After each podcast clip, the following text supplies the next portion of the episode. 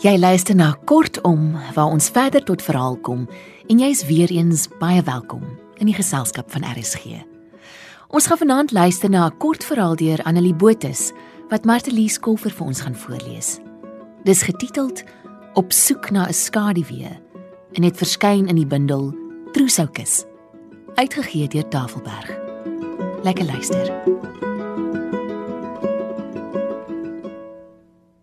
Sy moet opstaan en tee maak, dink Gerda en leun op haar elmboog op die bed. Miskien 'n snytjie roosterbrood sonder botter, want haar maag voel hol asof dit aan haar rugstring vasgegroei is. Die gedagte aan kos bring afskie. Dit word 'n doodmaak ding wat haar op die matras vaspen en swart kolle voor haar oë laat dans. Sy het gedink dit sou anders wees as sy die dag haar teikengewig bereik het om selfs onder haar mikpunt te sak, sou 'n klompie maande gelede die waar word van 'n droom wees. Om nie die vet homp mens van altyd te wees nie. Nooit weer minderwaardig in 'n geselskap rond te staan met haar arms voor haar maag gekruis nie. Deur hoeveel honger dae en nagte het sy die dag vooruitgeroep waarop sy voor die spieël in die gang sal staan waar sy lagend in die ronde sal draai oor die dun geworde mens wat uit die spieël terugkyk plat van maag dun van arm puntige gesigstruktuur. Sy sou by 'n butiek instap en die kleinste kleefklere koop. By die huis haar nuwe klere aantrek en voor Petrie verbystap. Sy mond sal oophang. Hy sal sy kop skud. "Gerritjie," sal hy sê, "jy lyk pragtig. Soos 'n jong meisie, amper nog mooier. Geen siel sal raai jy's amper 50." Hy sal haar opraap en hoog bo sy kop uitlig soos 'n klein lyf ballerina in die lug gooi met haar dons ligte lyf dans. Haar inspanningloos weer vang en teen hom vasdruk met sy hande oor haar boude en heupe vryf. Nêrens sal hy die geringste vetjie raakvat nie. 'n Pluimsaad in die wind, so sal sy onder sy hande wees. Wanneer die meisiekinders Kerstyd huis toe kom, sal hulle met nuwe oë na kyk. Nie meer die oorgroot ma wat met 'n houtlepel in 'n kastrol rondkarring nie hulle nuwe ma wat ander blinker vere gekry het. Gerda druk op die matras om op te staan. Daar's loodblokke aan haar voete en arms. Haar ore sing soos heuningbye. Sy sak weer agteroor op die koelkussing. Nee, sy sal later tee maak, besluit sy, terwyl die nattigheid by haar ooghoeke uitsyfer en verby haar oorskulpe loop. Dalk As hy hier was, sou Petrie tee gebring het. Lekker ryk heuningbos tee en klapperkoekies. Hy sou by voet en end sit, haar kuite en kniekoppe vryf. Lekker geslaap, sou hy vra. Drink jou tee voor ons strand toe stap. Dis laagwater. Na die springgety sal daar baie seepampoentjies in die hoogwaterpoele wees. Hulle het baie male afgestap see toe, sê hy, voor hy weg is. Toe was hy nog vet het haar bobene teen mekaar geskuur en het die taai sewend haar duie laat juk waar hulle mekaar skaaf. Toe het sy geglo. Petrie is skaam vir die speklaag om haar maag. Die drillerigheid in haar beenwaaie, die dubbelken soos 'n oorvrede kropduif. Sy was te selfbewus om te buk en in die rotspoele te grou vir fyn blink skulpe. Want sy wou die sagte kussings van haar boude vir Petrie wegsteek. Sien nou die sewend waai haar rok op terwyl sy so gebukkend staan. Nommer 42 klere. 78 kg. Geen rokke met uithol moue of kniesome nie. Loop blind verby die rak met denimbroeke. Gee voor die kortlyf hempies bestaan nie. Gaan beneek huis toe met sakkerige kledingstukke, grouwe onderklere waarvoor sy skaam was. In altyd. Eerste van alles het sy die etikette afgeknip. Petri moes nie sien nie. Al kon hy elke lyn van haar liggaam met sy hande voel, was dit anders as om met die naakte oë te sien. Oor die jare het sy gewoon geraak aan sy hande, maar nooit aan sy oë nie, nooit. Sluit oop die deur Gerda, ek wil tande borsel. Spring verjaagd uit die water, ongeag of sy al gewas het. Draai haar handdoek om haar naaktheid sluit die deur oop en verswyg haar doodgeskriktheid. Kom en ek is klaar. Terwyl daar nie 'n seepskif in die water dryf nie, en die waslap kurkdroog oor die badrand hang. Het Pietrie dit raak gesien? Het sy nie in die nag na ongewaste mense in kokos geryk nie? Ek wil die lig aansit, het hy soms in die donker kamer gesê. Ek wil jou gesig sien. Skrik wat haar gorrel toedruk. Nee. Gerda, dis mos nie asof nee. Ondertoon van hysterie. Haar hande wat in die donker haar nagrok vasgryp en opbondel. Toma, is reg. Kom lê weer by my. Maar die nag was klaar opgevoeter. En sy het oop oë in die donker na die valwit plafon gestaar terwyl Petrie se asemhaling rustig word. Nog 'n opgebodderde aand waarin sy weggedommel het in die wete dat sy groter as 'n berg is.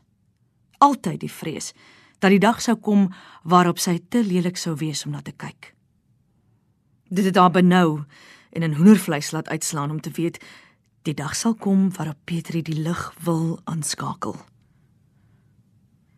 Jy's geen vet nie, Gerda. As jy wil sien hoe lyk vet, moet jy rondkyk wanneer jy gaan inkopies. Sit hom aggressief onderbreek. Gee jy voor ek is maar. Nee, Gerda, maar jy's ligjare verwyder van vet wees. Jy moet onthou, jy's lank en jou beenstruktuur dis dieselfde as vet. Kykie. En sy het die rolbokend haar rompand vasgeknyp. Is dit miskien hoe maar lyk? Wil jy dit enige naam gee anders as vet? Gerda, jy is reg soos jy is. Dis hoe ek jou liefhet en ek wil jou nie anders hê nie. Sy wou nie hoor nie. Dit pad gegee waar hy voor die televisie gesit het met 'n bier en 'n bakkie grondbone. Ja, het sy gedink terwyl sy wild wegstap. Jy sal so sê tot die dag waarop 'n jong vrou met 'n jong lyf jou betower. Dan sal jy onthou van die sagte vleis aan my boarms, die afwesigheid van heupbene Die donker kamer waar dit nie lig mag word nie. Van die geslote badkamer deur en die droë waslap oor die badrand. Alleen in die kombuis het sy haar oë met 'n varhoek droog gevee en die koppies ratelend in die perings gepak. Dit was 'n slegte dag, daardie dag. Hoekom sy nie weggebly het uit klerewinkels nie was onverstaanbaar asof sy haarself opsetlik verneder met 'n winkellopery tot haar voete opgeswaal was en haar kop wou bars van 'n ritmiese geklop klop klop. Want in elke aanpashokkie het sy nou te vrees gekry, die swete teen haar rug geperel. Waar sy in 'n te klein vertrekkie met 'n te groot lyf aan en uittrek. Elke maal dat sy haar bonkigheid vanuit elke spieelhoek moes aanskou, het sy meer enorm gelyk was daar voue en walle wat haar grotesk afgeteken het en haar renons in haar eie liggaam verskerp het. Op die ou einde het sy in elk geval niks gekoop nie. Alles was lelik, ongemaklik, het skeef getrek en in die somerhitte aan haar klam vel gekleef. Die mousgate het geknel, die skouerlyne was te knap. Dis omdat jy vetter as ooit is, het sy haar spieelbeeld gekoggel. Jy sal 'n lastige aanhangsel word. Die dogter sal huis toe kom en sinies na jou kyk. Jy sal self die oorsaak wees dat niemand jou meer liefhet nie. Jy. Niemand anders nie. Jy. Kom sit by my, het Petri gesê toe sy die koffie neem. Jy moenie jouself so afbreek nie, Gerda. Hy het die bier neergesit en sy hande na haar uitgehou. Ek is lief vir jou. Sy het gehuil verskriklik. Hy het haar gelos het sy klaaiel met sy vingers deur haar hare gespeel, sy voorvinger teen haar neklyn gevryf. Sy kon nie sê van haar diep gewortelde vrees vir verwerping nie, van die drog drome waarin hy sy hande na 'n ander vrou uitsteek. Toe die vroegskemer deur die venster inkom, het sy teen sy been aan die slaap geraak. Toe sy wakker word, was die besluit in haar verstand gevorm. Sy sou maar word en nooit weer vet wees nie. Daardie een vrese kop sou sy stomp afkap. Gerda steek haar hand uit na die wekker om te kyk hoe laat dit is. Kwart oor 5. Dit sou nou Petrie se huis toe kom tyd gewees het. Maar van die nuwejaarsweek toe die skaal gewys het sy het 3 kg onder haar mikpunt gesak, kom Petri nie meer huis toe nie. Woon hy alleen in sy sewende verdieping woonstel wat op die see uitkyk. Hulle see. Waar hulle duisende seepampoentjies uitgehaal het. Waar hulle kruisbeen op die klam sand gesit het terwyl hy vir haar stories vertel en die son ondergaan in 'n pink ligwaas. Jy verniel jouself, Gerda, het hy gesê terwyl hy voorlaaste aand besig was om te pak. Sy wou die klere en skoene en naskeermiddel gryp en by hom pleit om te bly. Maar sy was te moeg, te dronk in haar kop. Ek het al duisend maal met jou gepraat, maar jy luister nie. Jy sit opgeskeep met hierdie waanbeeld van jou eie liggaam en ek sal eet Petri, moenie weggaan nie, ek sweer ek sal. Sy het dit bedoel Al het sy geen benul gehad van hoe sy dit sou doen nie. Want die kos kon nie meer af nie. Sy het gekou en gekou, gesluk en gesluk, maar keel was toegegroei. Net soms kon sy 'n halwe snytjie droë roosterbrood afwurg. Nee, Gerda, jy vertel daai leuen al 3 maande lank. En ek weet nie eens of jy jouself glo nie. Jy's 'n skaduwee van die mens wat jy was en sommige dae ek sal dokter toe gaan. As jy sê ek moet, Moenie die onus op my plaas nie. Sy sit daar op die matras en staan wankelrig op.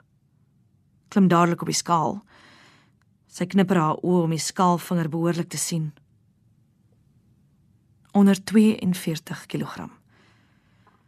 Haar hande stryk oor haar heupbene en sy voel broos. Haar vingers loop die afgeëtste dwarsbeentjies van haar ribbes na tink tinkie wat 'n eilskar weer gooi en liggies oor die aarde vlieg.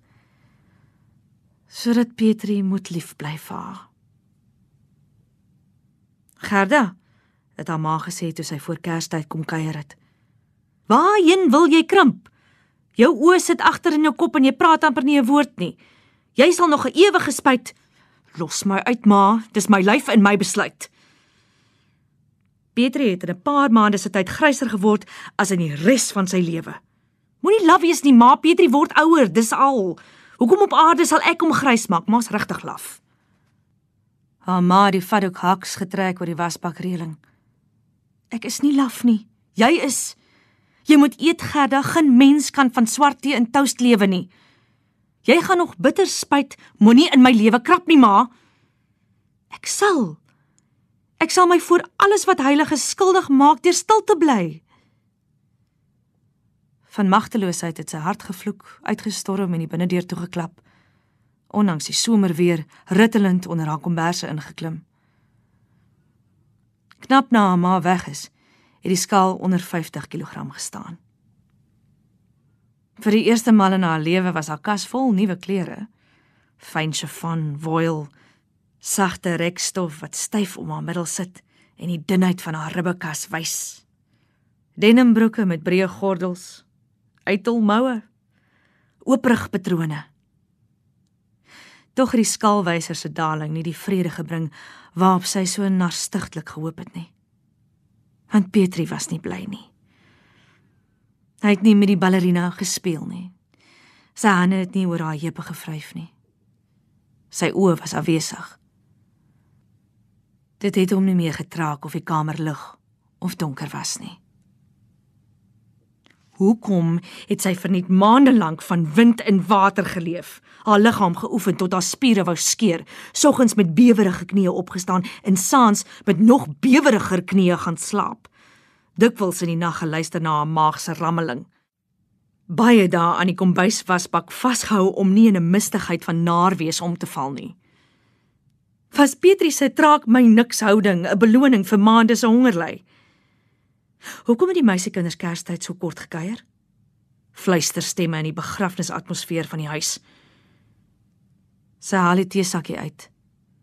Lig haar arm lusteloos om 'n koppie te kry. Miskien moet sy 'n snytjie roosterbrood en 'n halwe tamatie eet. Nee. Sy sê lus daarvoor nie. Ook suiker in haar tee gooi. Dit is al 'n walg. Al het sy heel middag geslaap, is sy tot die dood toe moeg. Haar arm bewe toe sy kookwater op die teesakkie gooi. Sy stamp die tyd in die koppie en bemors die kas. Here, dink sy. En sukkel om te sien of hy koppie oorloop. Waar en hoe het dinge so verkeerd geloop? Waar het 'n droom 'n nagmerrie geword? Sy wou net klein en fyn wees, niemand seermaak en niks stikkend maak nie. Nou kry sy nie eers haar eie teekoppie vol gegooi nie. En nou dat sy nie meer vet is nie, nou moet sy alleen slaap. En eens voel sy hoe 'n vreemde krag haar in 'n tonnel opsuig, hoe sy losraak uit haar eie lyf, opstyg, opstyg tot waar niks saak maak nie. Die kookwater brand haar hand. Die koppie spat kletterend aan stukke op die vloer. Sy suig neer op die nat vloer tussen die glasstukke en ineens is sy honger. Oneindig honger. Sy begeer 'n bord kookkos en om die ou Gerda te wees. Te weet sy hoort by iemand. Sy wens sy was by die hoogwaterpoel om te soek na seepampontjies. Om in die nag saam met Petrie na die reën op die dak te luister. Met haar laaste kragte skuifel sy tot voor die lang spieël in die gang. Trek haar kaal uit. Daar drup bloed uit 'n sny aan haar handpalm terwyl sy om en om draai voor die spieël. En sy sien Die oog wat tot nou toe blind was, sien. Die verskrikking. Die doodwees, die geraamte, die skaduwee wat te klein geword het om 'n vlek te gooi. Vashou vashou aan die muur loop sy telefoon toe en skakel 'n ambulans.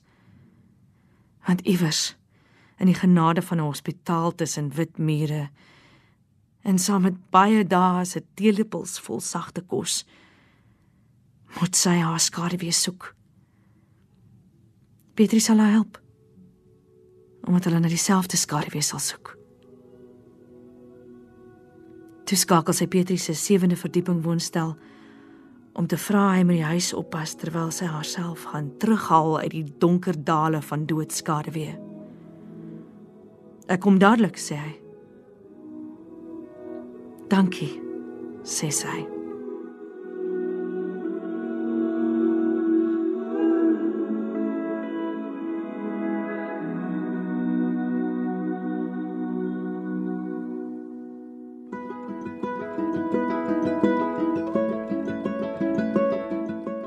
Jy het geluister na Op soek na 'n skaduwee deur Annelie Botus uit haar bundel Trousoukus voorgeles deur Matelies Koffer. Ek hoop jy het 'n wonderlike aand en week verder. Totsiens. Tot 'n volgende keer.